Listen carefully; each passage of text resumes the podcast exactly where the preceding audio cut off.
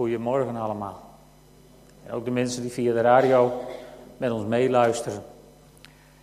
We gaan vandaag kijken naar de laatste uit de serie onbekende profeten of kleine profeten, zeg maar, uit het Oude Testament, waar nooit een boek naar genoemd is. En uh, de laatste is een vrouw, dus we geven een vrouw het laatste woord. En dat moet voor de meeste mannen onder ons heel bekend voorkomen. Gulda heet ze. En uh, we vinden haar in 2 Koningen 22 en 23 of in 2 Kronieken. Dat zijn uh, twee hoofdstukken en die ga ik vandaag niet lezen. We gaan ze wel langs, we komen ze wel tegen, dus het is handig om de Bijbel erbij open te hebben. Gulda. Niet een naam die geweldig iets betekent over de Heere zus of de Heere zo. Het schijnt te betekenen wezel of mal, zoiets. Dat Hebreeuwse woord schijnt het te zijn. Dan wil ik haar niet beledigen. Dus misschien is ze zo slank geweest als een wezel. Misschien heeft ze net zo mooi glimmend haar gehad als zo'n beestje. Ik heb zo'n beestje op de tuin gehad. Het is werkelijk een prachtig beestje. Ja, misschien is ze wel heel mooi geweest, ik weet het niet. En ze was de vrouw van Salum, de kledingbewaarder. Dus alles wat we over haar weten. En we vinden haar, nog één keer het schema, we vinden haar inmiddels hier. Dus we zijn zo'n beetje onderaan geëindigd en dan komen er een hele serie bekende profeten waar bijbelboeken naar genoemd zijn.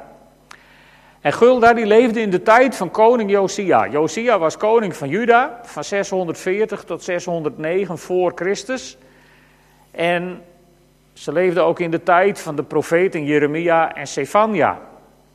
Dus Jeremia toch een grote profeet, Sefania ook belangrijk. En dan hebben we ineens Gulda daartussen.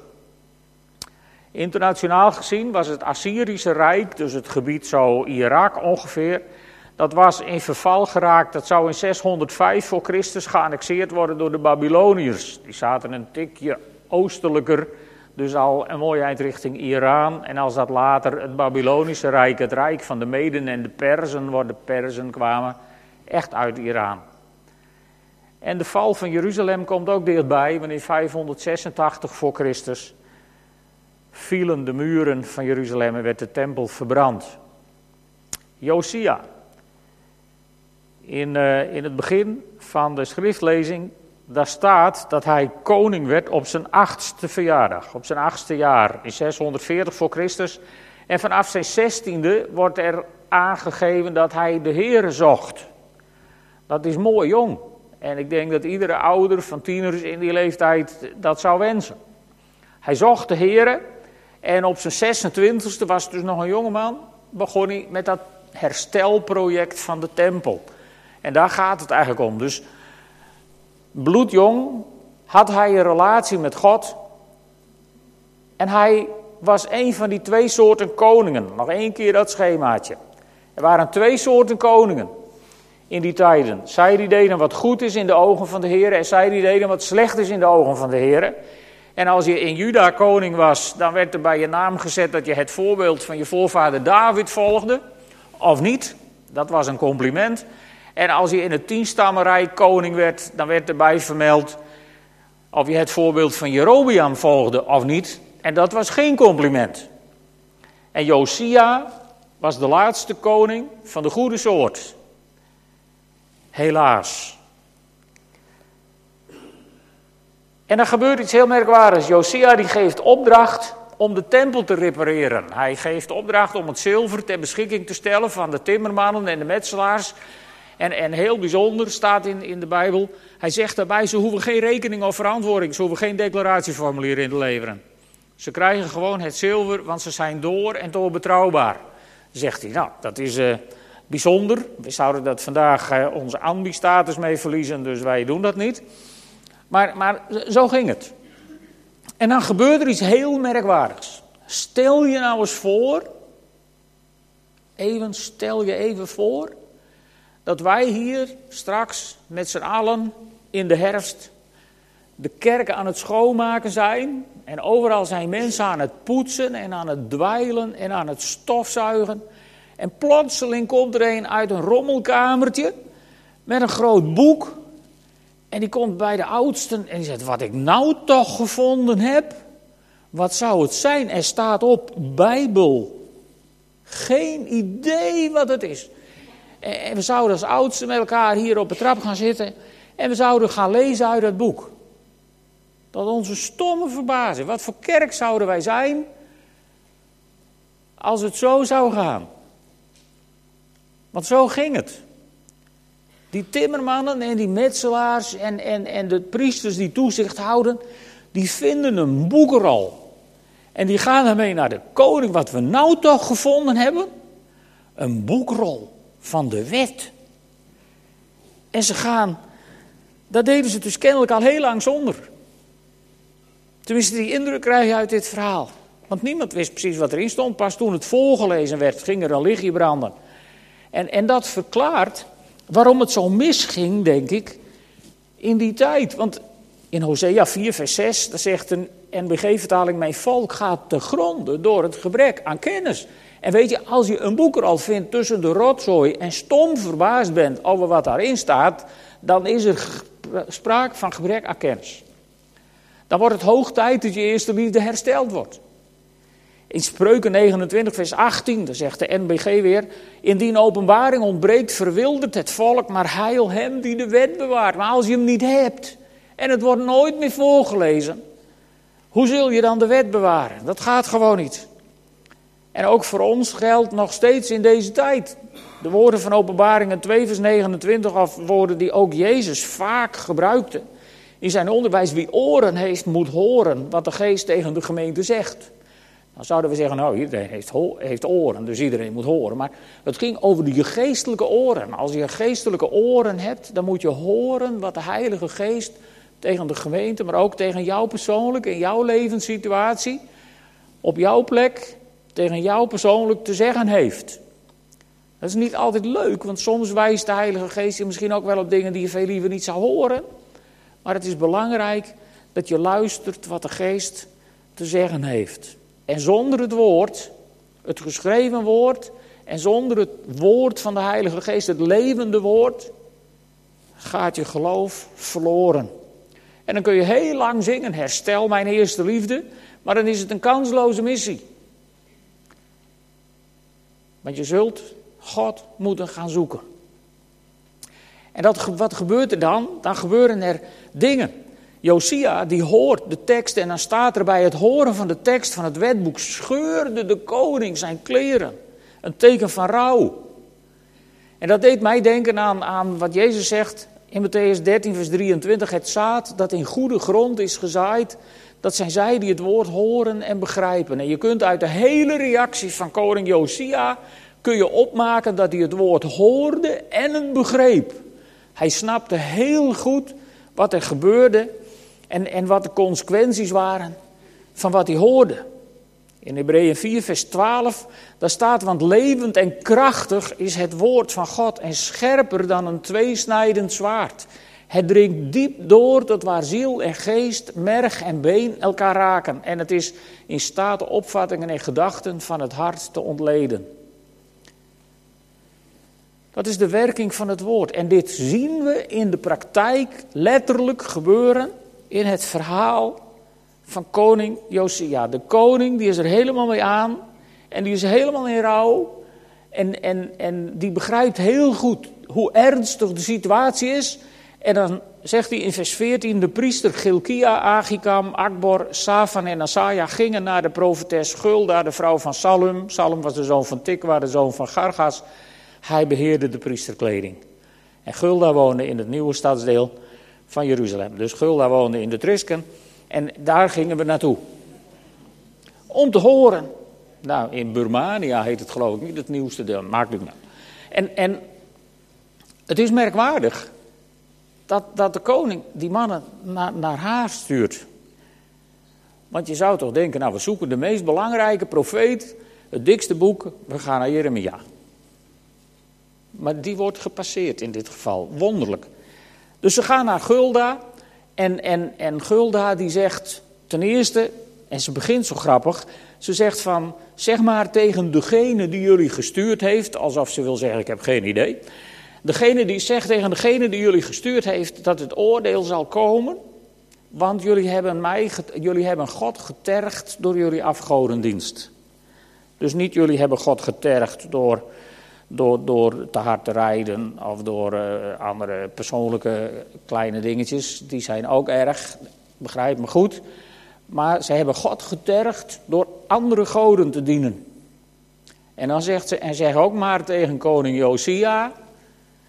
Dus ze wist wel degelijk van wie ze kwamen. Dat hij het niet zal hoeven aan te zien. Je ziet hier een beetje oorzaak en gevolg. Dat hebben we in deze serie eerder gezien. En ik kom even terug bij de tien geboden uit Exodus 20. Waar God zegt: Vereer naast mij geen andere goden.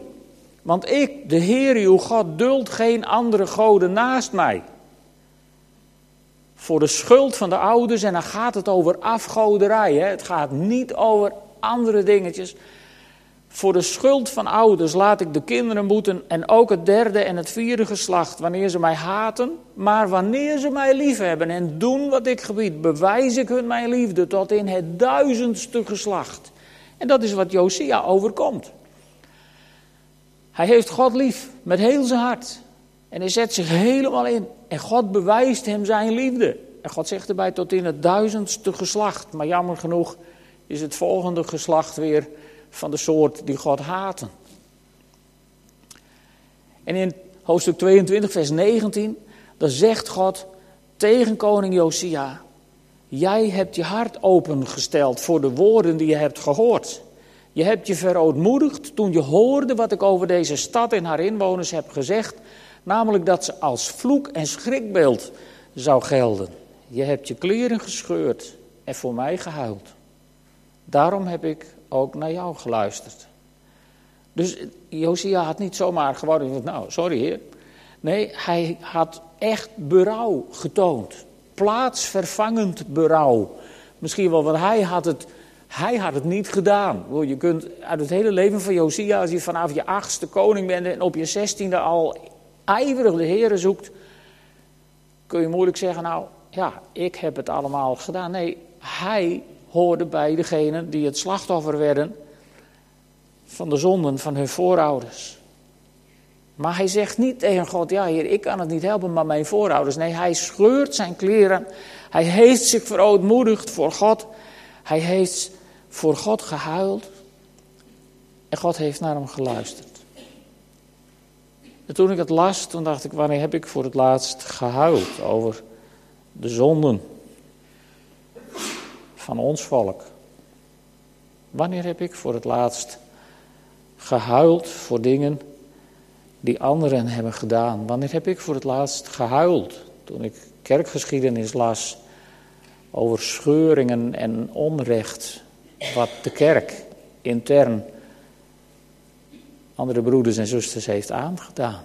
Want dat is wat Josia doet. Hij huilde voor God, voor de zonden van zijn voorgeslacht. En God zegt, en ik heb naar je geluisterd. En dan zegt hij in vers 20, je zult in vrede sterven en bij je voorouders begraven worden. En je zult niet met eigen ogen hoeven aan te zien hoe ik onheil breng over deze stad. Dus dat is wel een beetje schrale troost. Want het ging niet over. Het werd alleen uitgesteld. En, en toch zie je bij Josia een nieuwe toewijding. Want hij gaat voor het volk staan en hij leest het hele wetboek voor. De geleerden zijn het er niet over eens wat voor boekrol ze nou vonden. Was het de hele Torah, dan heeft hij daar een paar dagen gestaan. Of het boek Deuteronomium, of misschien wel een stukje uit Deuteronomium, we weten het niet. Maar in ieder geval, het hele boek wat ze hebben, wordt voorgelezen aan de mensen. Ze zweren massaal opnieuw trouw aan God en ze beginnen met een grote schoonmaak. Dus de afgodenbeelden uit de tempel, die worden eh, in puin geslagen en verbrand en de as wordt naar Bethel gebracht. Dat was voor hun verder weg dan dat het voor ons zou zijn. Grapje. De afgodspriesters, die worden ontslagen. De Asherah-paal, dus, dus, dus het grote erotische symbool wordt verbrand en de tempelprostitutie wordt beëindigd. Die wordt niet alleen beëindigd, dat doet hij zo radicaal dat hij de, nou zeg maar even, de Red Light District, wat tegen de tempel aan was gebouwd. Voor de mannen, met name die tempelprostitutie bedreven, die hadden daar hun eigen kamers allemaal. Die sloopten die. Helemaal. Dus heel grondig wordt er gereinigd. volgens het boek Kronieken, als hij in Kronieken hetzelfde verhaal leest, dan deed hij dit eerder, voordat ze de boek er al vonden. Maar goed, dat doet er niet zoveel toe. Er wordt grondig gereinigd. En dan gaat hij het lijkt een beetje op wat de discipelen voor opdracht krijgen. Helemaal het evangelie te verkondigen. In Jeruzalem, in Judea, in Samaria, tot de einde der wereld. Nou, zo, zo werkt het dit ook een beetje. Hij begint in Jeruzalem, dan gaat hij in Judea. De offerplaatsen ontwijden. Want ze hadden onder elke groene boom, op elke heuvel, net als de Germanen vroeger, hadden ze hun heilige plaatsen. En die worden ontwijd. Het altaar van de Moloch Vorige keer hebben we gezien, twee weken geleden, dat, dat, dat de vorige koning zelfs zijn, zijn zonen offerde aan de moloch. Dat altaar, dat wordt gesloopt. En dit is een merkwaardig zinnetje. De offerplaatsen van Salomo werden vernield. We hebben Salomo altijd heel hoog en heel wijs. Maar Salomo is natuurlijk door de afgoderij die hij begon te bedrijven vanwege zijn buitenlandse vrouwen wel de oorzaak geweest van de scheuring van het rijk en van alle ellende die daar later uit voortkwam. Maar de offerplaatsen van Salomo werden vernield. En dan trekt hij naar Samaria, dus hij volgt echt dat plaatje. En daar wordt het altaar in Bethel ontwijd door er mensenbeenderen op te verbranden. Dat was geprofiteerd in 1 Koningen 12 door de man Gods uit Judea, waar alleen de post van het zomer over gepreekt heeft. Heel mooi dat hij ook precies in deze serie onbekende profeetjes er een uithaalde. Geprofiteerd in 1 Koningen 12 en het graf van de profeet wordt gespaard. Zijn beenderen worden met rust gelaten. De heiligdommen worden gesloopt en de priesters in Samaria die worden gedood. En dan wordt het Pasen gevierd. Dat is ook heel apart, want er staat dat sinds de richtertijd er geen Pasen meer was gevierd. Volgens 2 Kronieken 35, vers 15 zelfs sinds Samuel. Maar goed, Samuel was de laatste richter. Of de eerste van de profeten, maar net waar hem neerzet. Dus sinds die tijd was er geen Pascha meer gevierd. Dus de man naar Gods hart, koning David, had geen Pesach gevierd. De grote wijze koning Salomo, die een prachtige tempel had gebouwd, kennelijk is er in die tempel nooit Pesach gevierd. Het is het is, het is onthutsend eigenlijk, als je zo aan het eind van het boek Koningen zo'n zinnetje tegenkomt, dat ze dat nooit meer hebben gedaan. En, en hier in Koningen wordt het gewoon uh, redelijk kort omschreven. In Kronieken worden hier veel meer woorden aan gewijd. Maar goed, het boek Kronieken is waarschijnlijk samengesteld tijdens de ballingschap of na de ballingschap. En daar zit veel meer procedure in om precies vast te leggen hoe het moet. En het boek Koningen is meer geschiedenis. Dus vandaar het verschil in die verhalen. En in 2 Kronieken 35, vers 3 staat er nog een heel apart zinnetje. Daar zegt Josia tegen de Levieten die Israël onderwijzen en voor de dienst geheiligd zijn. Zegt hij, zet de heilige ark neer in de tempel die koning Salomo van Israël, de zoon van David, heeft gebouwd. U hoeft de ark niet meer op uw schouders mee te dragen. Volgens ons deden ze dat al lang niet meer, want bij de inwijding van de tempel van Salomo hadden ze juist de ark in het heilige der heiligen gezet. Maar het is mogelijk dat hij in de tijd van al die afgoderij eruit is gehaald. En ergens anders is ja, opgeborgen, weggezet, veilig gesteld. Maar dat weten we niet. Het is een heel merkwaardig zinnetje dat daar zomaar ineens die opdracht tussen komt. Gaan we ook niet te veel tijd aan besteden. En dan staat er in vers 25, met hart en ziel en met inzet van al zijn krachten trachtte hij, Josia, de wetten van Mozes strikt na te leven en terug te keren tot de Heer. Herstel mijn eerste liefde. Nou, hier heb je er een. En die ging daar met huid en haar, ging die ervoor. Met hart en ziel, met inzet van al zijn krachten. Kijk eens, Lucas 10, vers 27. Heb de Heer uw God lief met heel uw hart, met heel uw ziel, met heel uw kracht en met heel uw verstand. En dan komt je naaste, als je zelf lief hebt, dat komt daar vanzelf uit voort.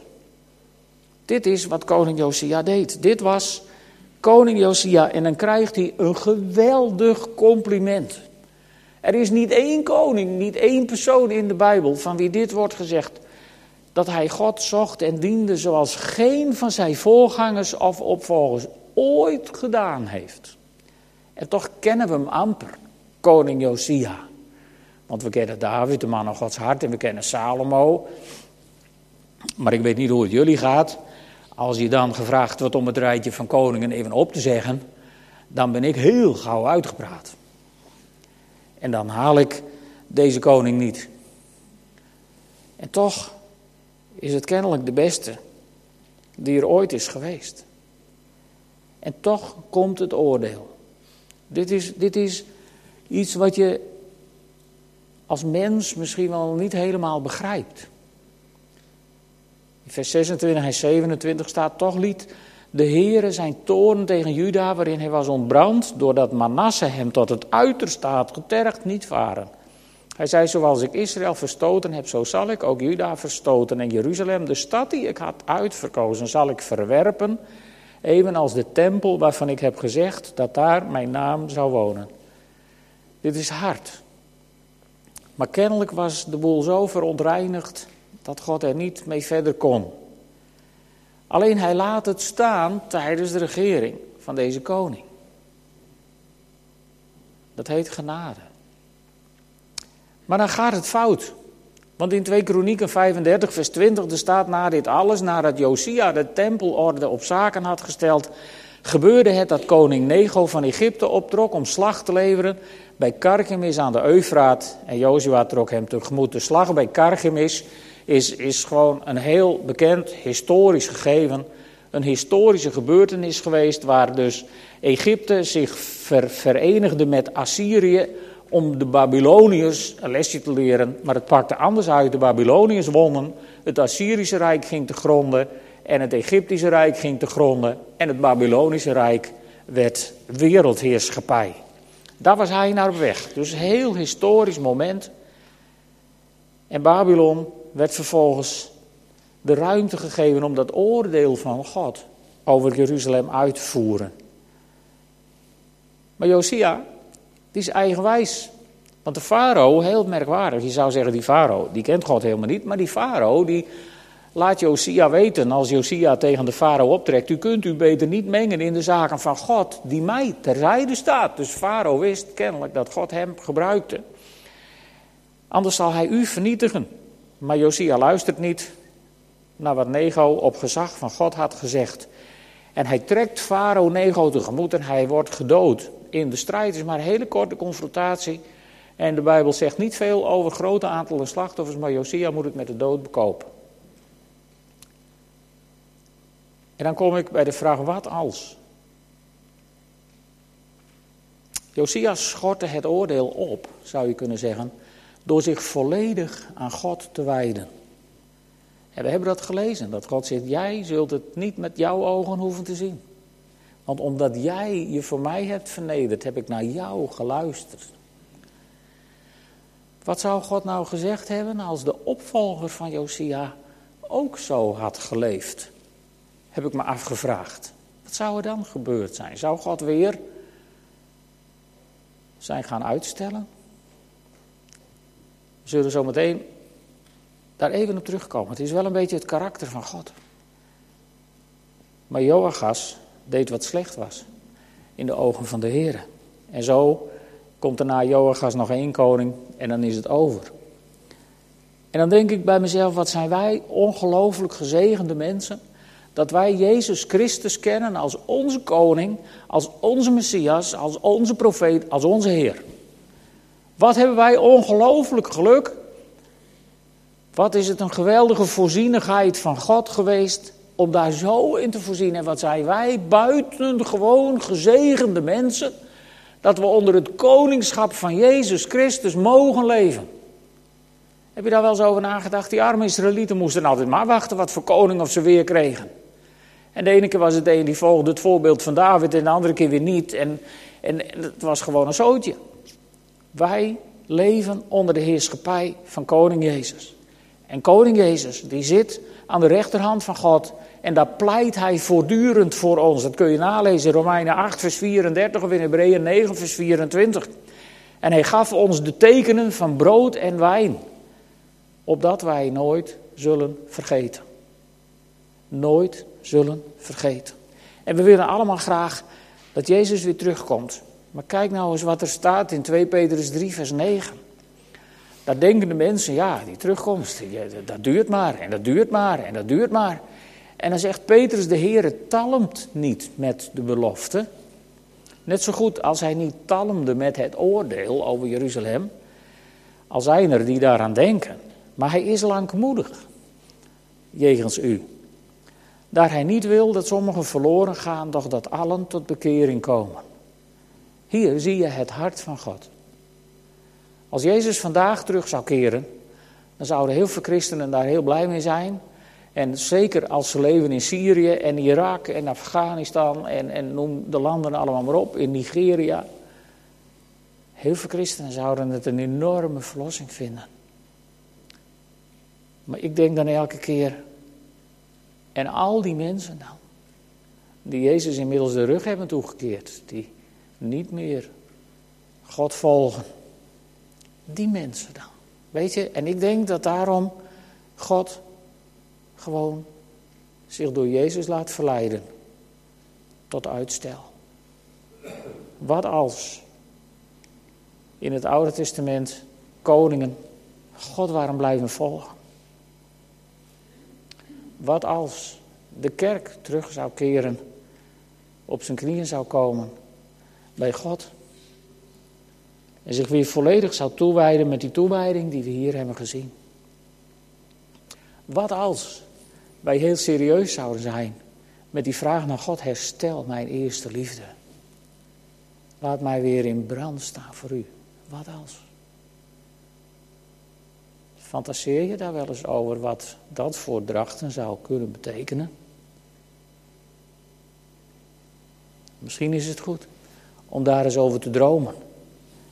De komende weken, de komende maanden, als we volgende week met ons nieuwe thema beginnen, volg jij mij. Misschien is het goed om eens te durven dagdromen. Wat als wij op onze knieën zouden komen bij God. En ons net zo radicaal zouden toewijden. En dingen in ons leven die niet kloppen, radicaal zouden opruimen. En weg zouden. Wat als? Zullen we samen bidden? Vader in de hemel. Het is zo'n vraag die die zich aan me heeft opgedrongen. De afgelopen weken. Wat als? En ik weet ook het antwoord niet. Maar heren, we hebben in uw woord gezien dat u zich laat vermurven. Door toewijding. Heren, we hebben in uw woord gezien als, als het mensen ernst is om in uw eerste liefde terug te komen dat u dan die eerste liefde herstelt. Heer, we hebben dat, dat gezongen. En ik bid u, laat, laat het een, een schreeuw in ons hart worden. Herstel mijn eerste liefde. Heer, wilt u zo gaan werken, gaan waaien, gaan bewegen door de kracht van uw Heilige Geest.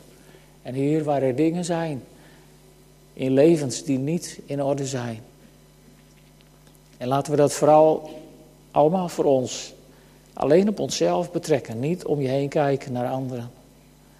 Heer, als er in mijn leven dingen zijn die u anders wilt zien, spreek door het woord van uw Heilige Geest. Bepaal me bij het woord wat u ons als boek hebt nagelaten. Druk ons op het hart, Heer, wat u van ons zou willen. Laat ons dromen over die vraag, wat als? Ik dank u voor uw goedheid, voor uw genade, voor uw eeuwigdurende trouw. Ik dank u zo ook voor brood en wijn die u ons hebt nagelaten. En ik zegen het brood, ik zegen de wijn, zodat het ons zal sterken en bemoedigen. Dat het ons de kracht mag geven. Heren, om bij u te komen. En ik dank u boven alles dat u in brood en wijn bij ons komt. Om ons aan te raken en om ons te bemoedigen. Amen. We gaan avondmaal vieren. En we gaan deze keer het brood en de wijn doorgeven in de rij. Dus u mag een keer op uw plek blijven zitten.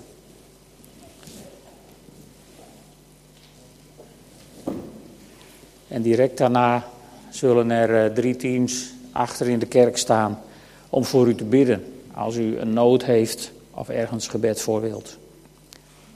Laten we eerst de instellingswoorden lezen.